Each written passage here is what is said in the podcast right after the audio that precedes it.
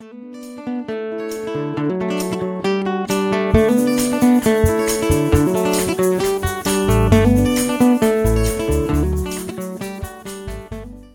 ska man göra om man är ung och man vill börja spara eller till och med kanske investera? Eller vad händer om min mobil blir förstörd eller stulen? Kan jag då få någon ersättning från en försäkring? Och vilket försäkringsskydd har en lånedator? Och är det något särskilt man ska tänka på kring försäkringar när man kör moped? Redan som ganska ung är det ju bra om du vet ett och annat om försäkringar och banktjänster.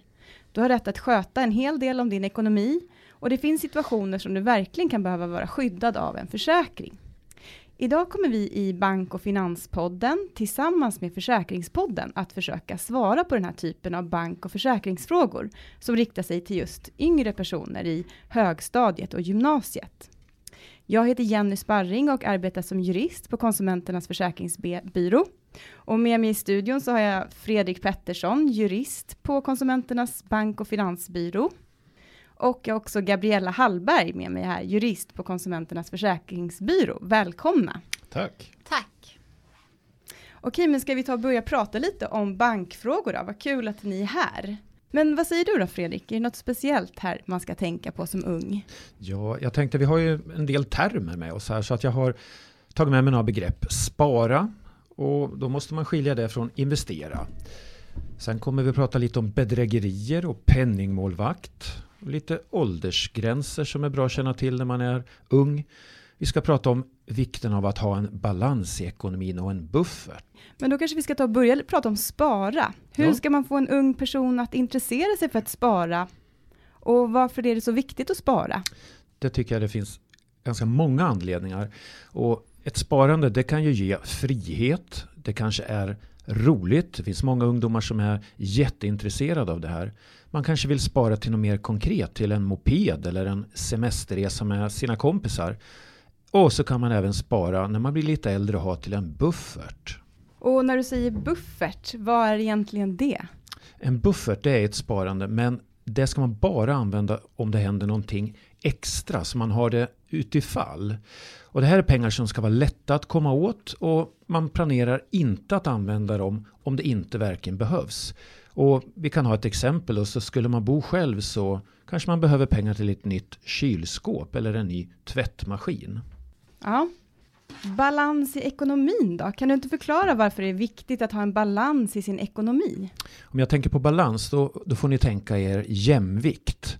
Två stycken vågskålar som väger upp åt vardera håll.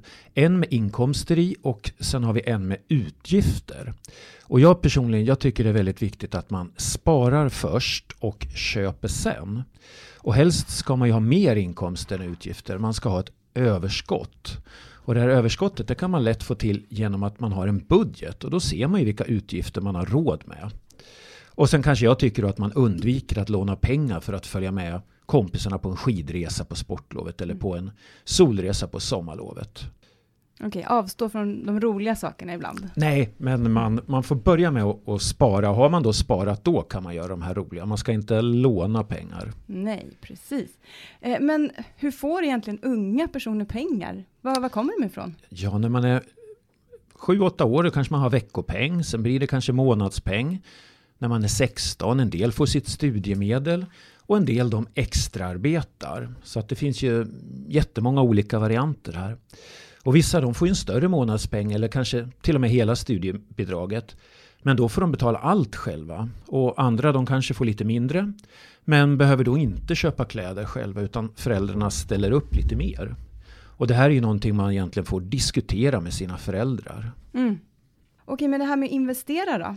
Eh, den termen känner man ju till, men eh, vad betyder det egentligen? Men om vi då tänker oss att man sparar, då är det någonting som har väldigt låg risk. Och pengarna man har, det ökar egentligen inte så mycket i värde. Vi kan ha lite ränta på ett sparkonto där man oftast har sitt sparande. Men om vi tänker oss pengar i en sparbössa. Så summan i sparbössan det är ju vad den är och stoppar man inte in mer pengar i den så blir det ju inte mera mynt då i den här sparbössan. Men om man investerar då kan de här sparade pengarna öka i värde. Men då är det ju väldigt viktigt att förstå att pengar som man investerar i exempelvis fonder och aktier de kan både gå upp i värde och ner. Och det är ju tyvärr det som har hänt nu under senaste tiden i och med den här Ukraina-krisen. Mm. Så det är väldigt viktigt att man balanserar riskerna. En del i spara och en del i investera. Sen nämnde du ett begrepp som var social manipulation. Kan du berätta mer om det? Det är ju inte ovanligt att man läser på sociala medier eller på, på nätet att till exempel känd person som Zlatan, han har gjort si eller så här för att bli rik. Men mycket av det där det kan vara rent lurendrejeri så att i slutändan så förlorar man allting som man satsar. Så det, det gäller att inte tro på allt utan är det för bra för att vara sant, ja då, då ska man nog akta sig. Är det några speciella åldersgränser man ska tänka på?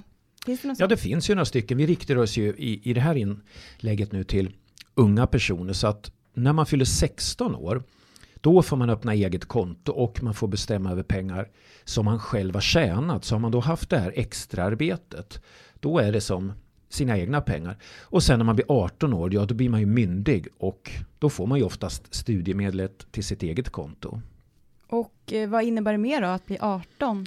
Ja men då blir man ju myndig, man får tillgång till egentligen hela internetbanken. Man får tillgång till betaltjänster och kan börja betala räkningar själv. Och man kan fritt sluta avtal, alltså köpa saker och man kan även ta krediter och lån. Man brukar ju säga att minderåriga barn inte kan sluta avtal, alltså ingå avtal. Vad är det egentligen som gäller där?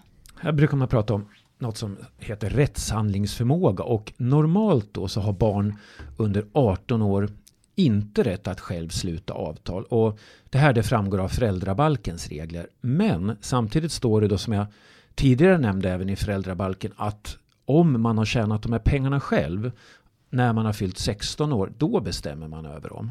Så har man ett eget extrajobb, då får man faktiskt köpa precis vad man vill för dem. Ja, och ha eget konto och ha de pengarna på det. Men vad händer om ett barn ändå köper något i en butik eller på nätet eh, mot föräldrarnas vilja? Vad, vad, vad, vad gäller då? Det här det får egentligen bli en bedömning i fall till fall.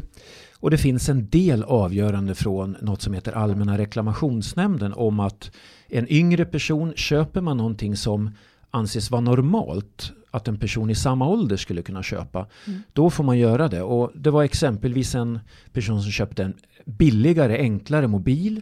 Och det var en annan person som köpte ett par vinterstövlar. Och då tyckte Allmänna reklamationsnämnden att det var okej okay att den här ungdomen då köpte dem. Mm. Och sen kan det vara så att om en förälder lägger in sitt bankkort i en app som barnet eller den unga personen använder ja, vi säger på en surfplatta, då anses föräldrarna gett ett tyst samtycke. Och detsamma är om man har fått pengar insatta på sitt kort eller om man har fått kontanter av föräldrarna. Då har föräldrarna oftast samtyckt till de här köpen och då, då är de okej. Okay. Mm. Men om man skulle köpa någonting väldigt dyrt till exempel? Ja, då... då... skulle nog mamma och pappa kunna gå tillbaka till affären och, och kräva att köpet ska gå tillbaka. Mm.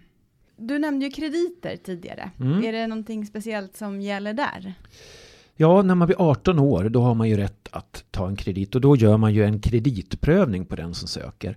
Men här tycker jag ju det är viktigt att man måste förstå att det oftast blir dyrare att handla på kredit i slutändan då än om man skulle betala direkt kontant.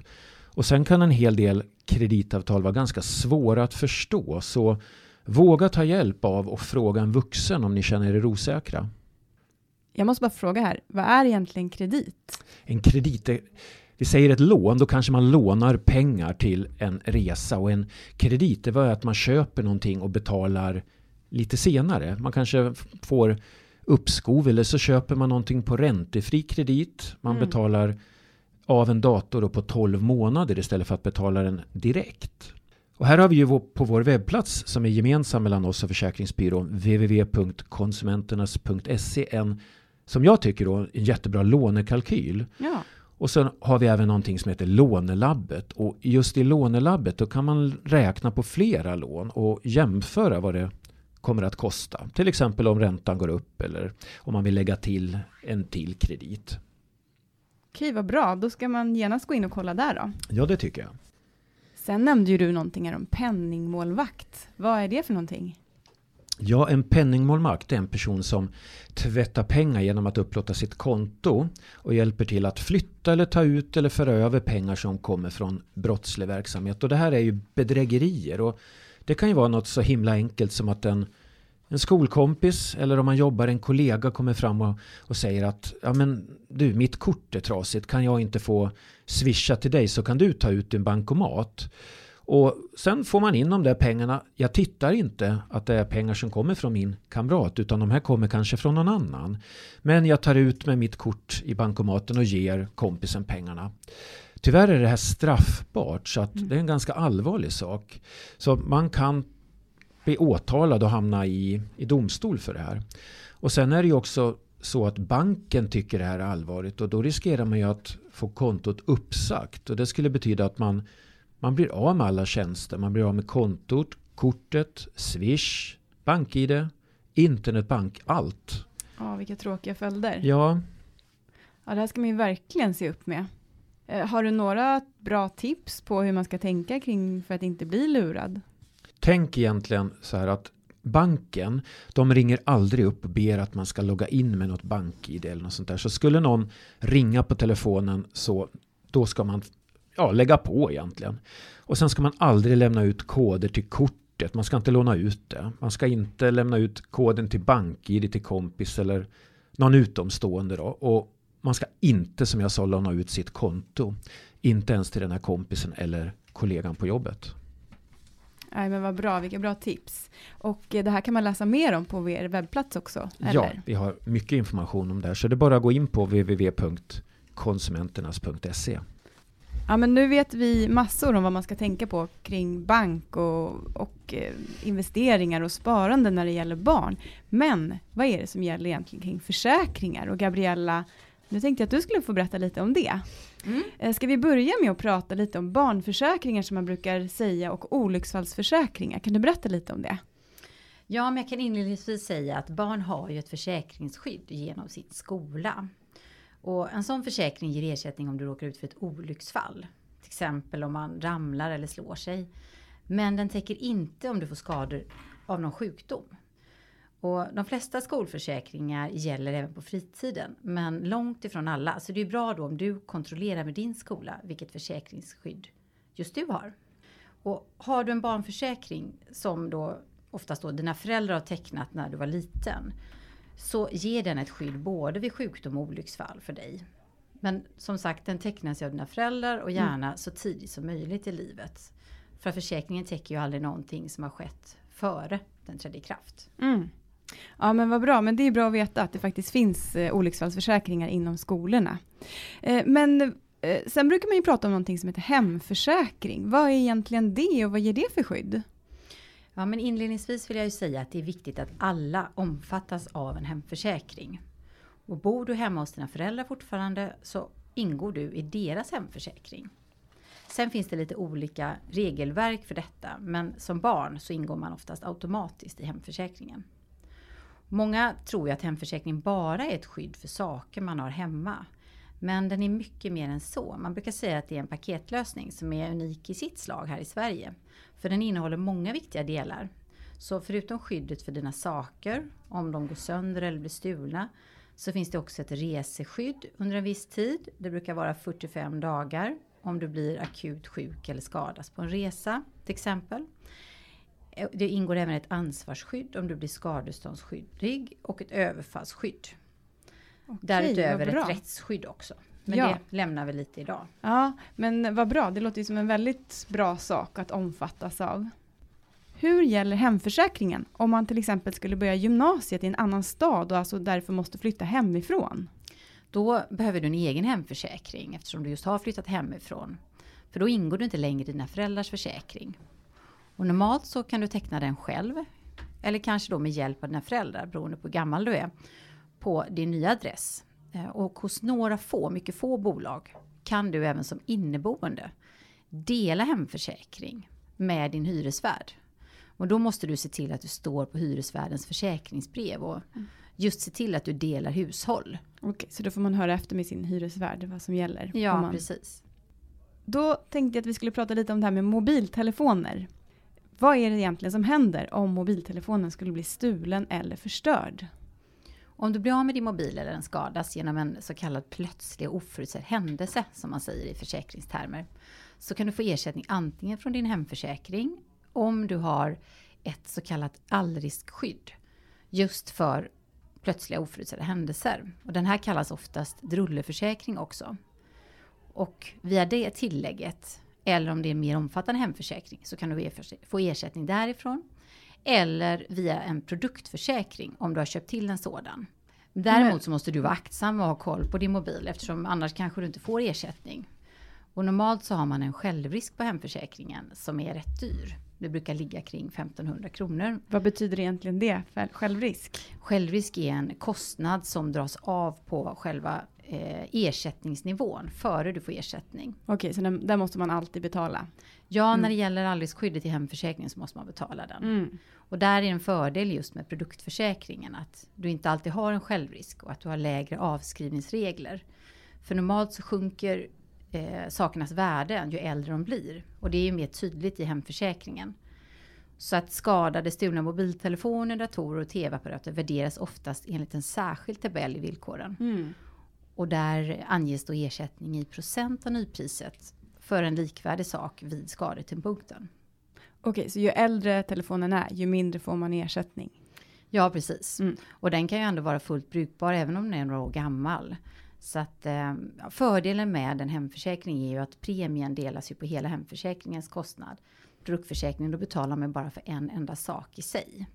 Men tycker du att det är bra då att teckna en sån produktförsäkring som man alltid blir erbjuden när man ska köpa en telefon? Så får man ju alltid ofta en fråga om man vill teckna på en produktförsäkring. Tycker du att det är bra att man tecknar en sån?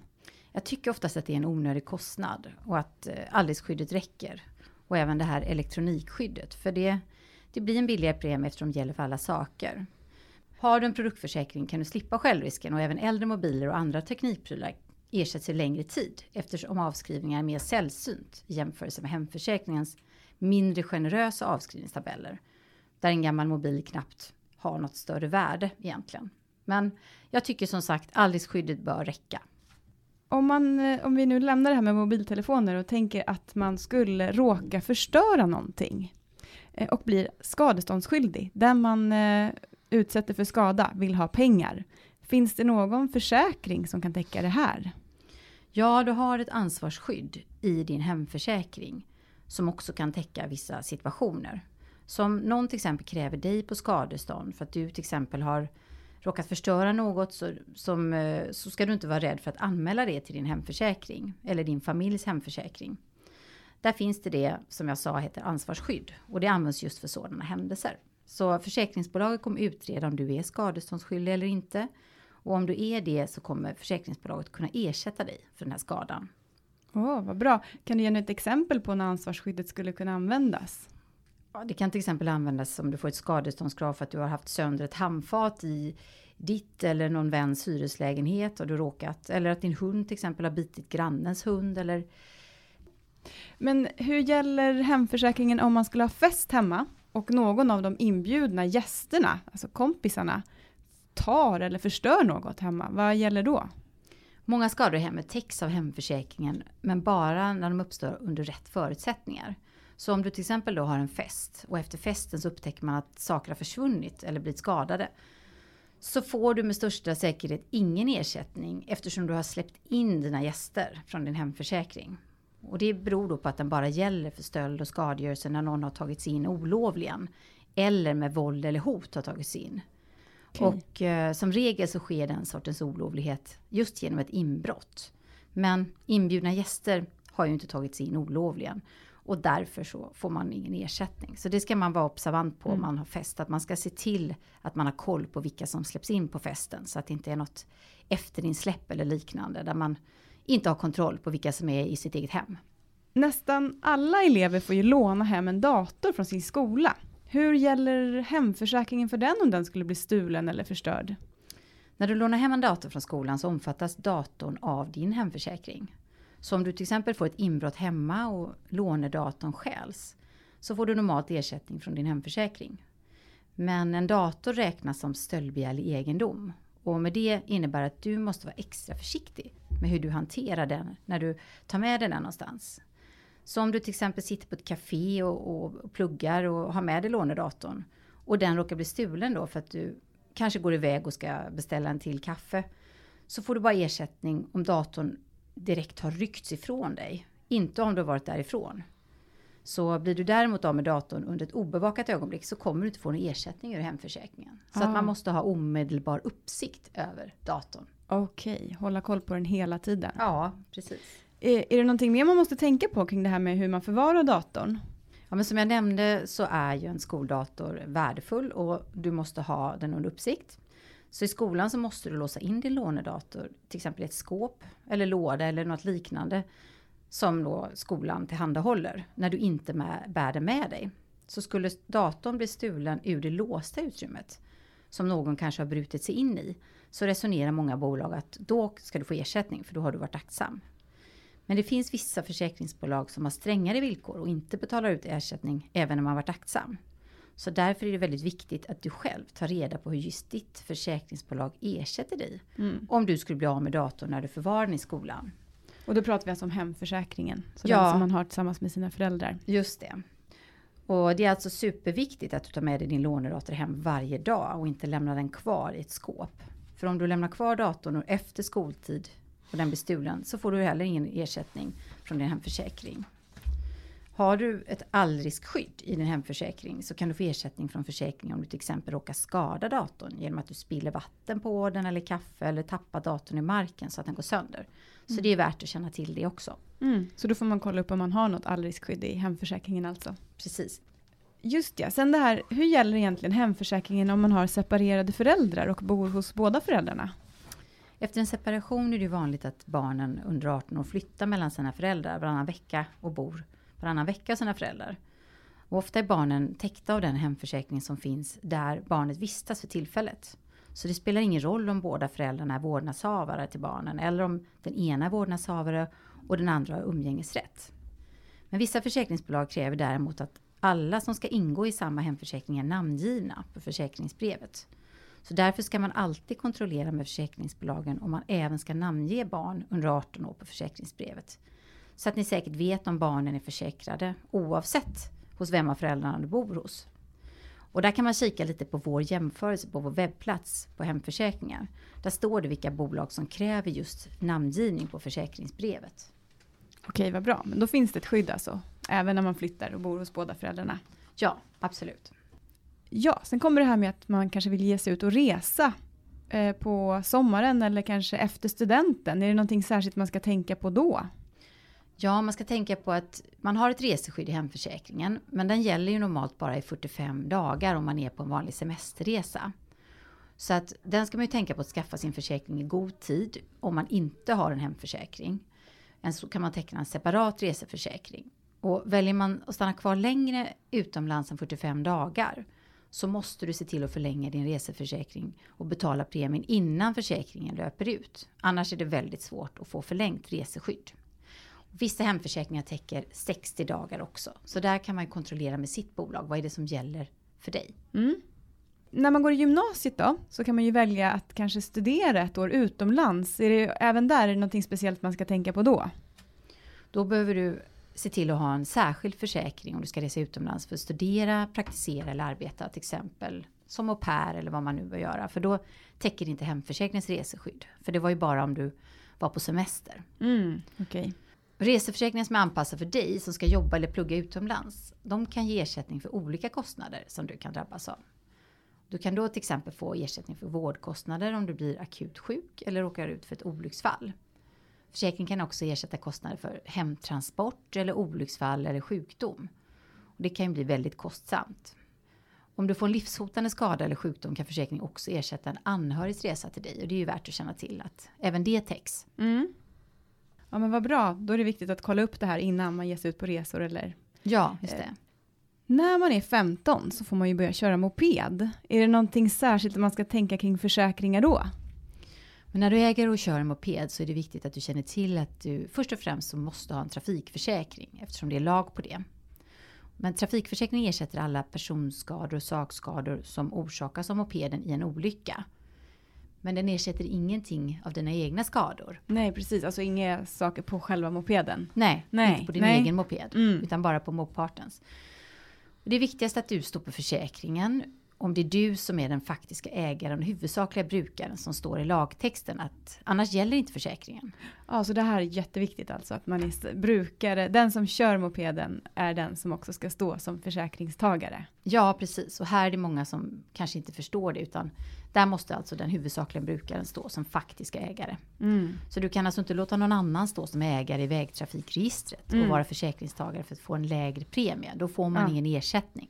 Men vad händer om man är omyndig och saknar körkort? Undantag finns om ägaren är omyndig och saknar körkort just. Mm. För då ska vårdnadshavaren registreras som ägare istället och vara den som tecknar försäkringen. Okej, men om, eh, om man har körkort, och Ja. då ska man, måste Ja. man stå. Mm. Just det, precis. Eh, vad, vad kan man få från en halv och helförsäkring då? Halvförsäkringen innehåller utöver det som trafikförsäkring ersätter även stöld och brand om det blir skada, om man blir bestulen på mopeden eller den börjar brinna. Och i en helförsäkring så får man därutöver även skydd om mopeden går sönder eller blir skadad. Mm, okay. Vad är det som gäller kring övningskörning då? Alltså va- av, vanliga bil, av vanliga bilar, inte mopeder. Eh, finns det någonting speciellt med försäkringar där? Måste man teckna något särskilt om man ska ge sig ut och övningsköra? Men just vid övningskörning så behöver man inte just teckna en särskild försäkring för det. Utan när man övningskör så räknas handledaren, alltså vanligtvis någon av dina föräldrar, som förare av bilen och bilförsäkring gäller då som vanligt. Men du måste se till att inte glömma att bilen ska vara trafikförsäkrad från just första dagen man börjar övningsköra. Mm. Och för att försäkringen ska gälla så krävs också att den som övningskör har ett gällande körkortstillstånd och att den som du övningskör med har ett giltigt handledarbevis. Så om man kör och inte har det här tillståndet så gäller inte försäkringen om det skulle hända något. Sen nu när det börjar bli vår och allt fler elsparkcyklar syns på gatorna. Är det någonting speciellt som gäller kring elsparkcyklar och försäkringar? Här kan man tänka både på försäkringsskyddet för själva elsparkcykeln och på skyddet för den som kör cykeln och eventuellt blir påkörd. Okej, men ska vi börja prata om eh, vad som gäller just för elsparkcykeln, om den går sönder eller blir stulen? Ja, men det kan vi göra. Om en vanlig cykel skadas eller blir stulen så omfattas den av hemförsäkringen. Men just för elsparkcyklar så gäller särskilda regler. Om man vill ha ett skydd mot stöld och, eller skador på elsparkcykeln så kan det vara bra att känna till att elsparkcykeln kan omfattas av hemförsäkringen bara om den kan klassas som en cykel. Men att det är vanligt att så inte är fallet. En eh, elsparkcykel klassas som en cykel om den har en elmotor som inte är starkare än 250 watt och är konstruerad för en maxhastighet på 20 kilometer i timmen. Ja, och det finns ju alltså många elsparkcyklar som har mycket högre eh, elmotor och, eller starkare elmotor och högre hastighet, eller hur? Ja, och Ja. de är ju lite trafikfara som vi vet. Mm, de får man se upp med då, Mm. för de har inget försäkringsskydd. Nej, Hur gäller egentligen hur gäller försäkringen då för personskador? Om man som kör, om man kör elsparkcykeln eller blir påkörd, finns det någon, något skydd då? ja, men här gäller samma för både cyklar och elsparkcyklar. För att få ersättning om man, om man som förare skadas så måste man själv ha en olycksfallsförsäkring. Det ingår inte i en olycksfallsförsäkring i det företag där man hyr elsparkcykeln. Och om man skulle köra på någon, vilket inte är helt ovanligt tyvärr, så får man hoppas på att den personen har en olycksfallsförsäkring. Annars så kommer den personen inte få någon ersättning alls för sina skador. Och I vissa situationer kan det, den som blir påkörd kräva föraren på skadestånd. Och då, då aktualiseras ju ansvarsskyddet i hemförsäkring istället. Ja, så man ska verkligen se upp med elsparkcyklarna Ja. och tänka ett varv till. Verkligen. Ja, vad har vi eh, missat något? Fredrik eller Gabriella, är det något som ni vill? tycka? Nej, jag tror vi har tagit med det mesta. Mm, jag tror också det. Vi har Ja, lyckats pricka in det viktigaste. vi har ju väldigt bra information på vår webbplats, både på försäkringar och på bank och finans, så man gärna får gå in och titta. Och sen får man ju väldigt gärna också ringa oss i vägledningen om man har några frågor. Och kontaktuppgifter så hittar man ju på konsumenternas.se. Absolut. Ja, men det var allt från oss då. Ja, Tackar! tackar.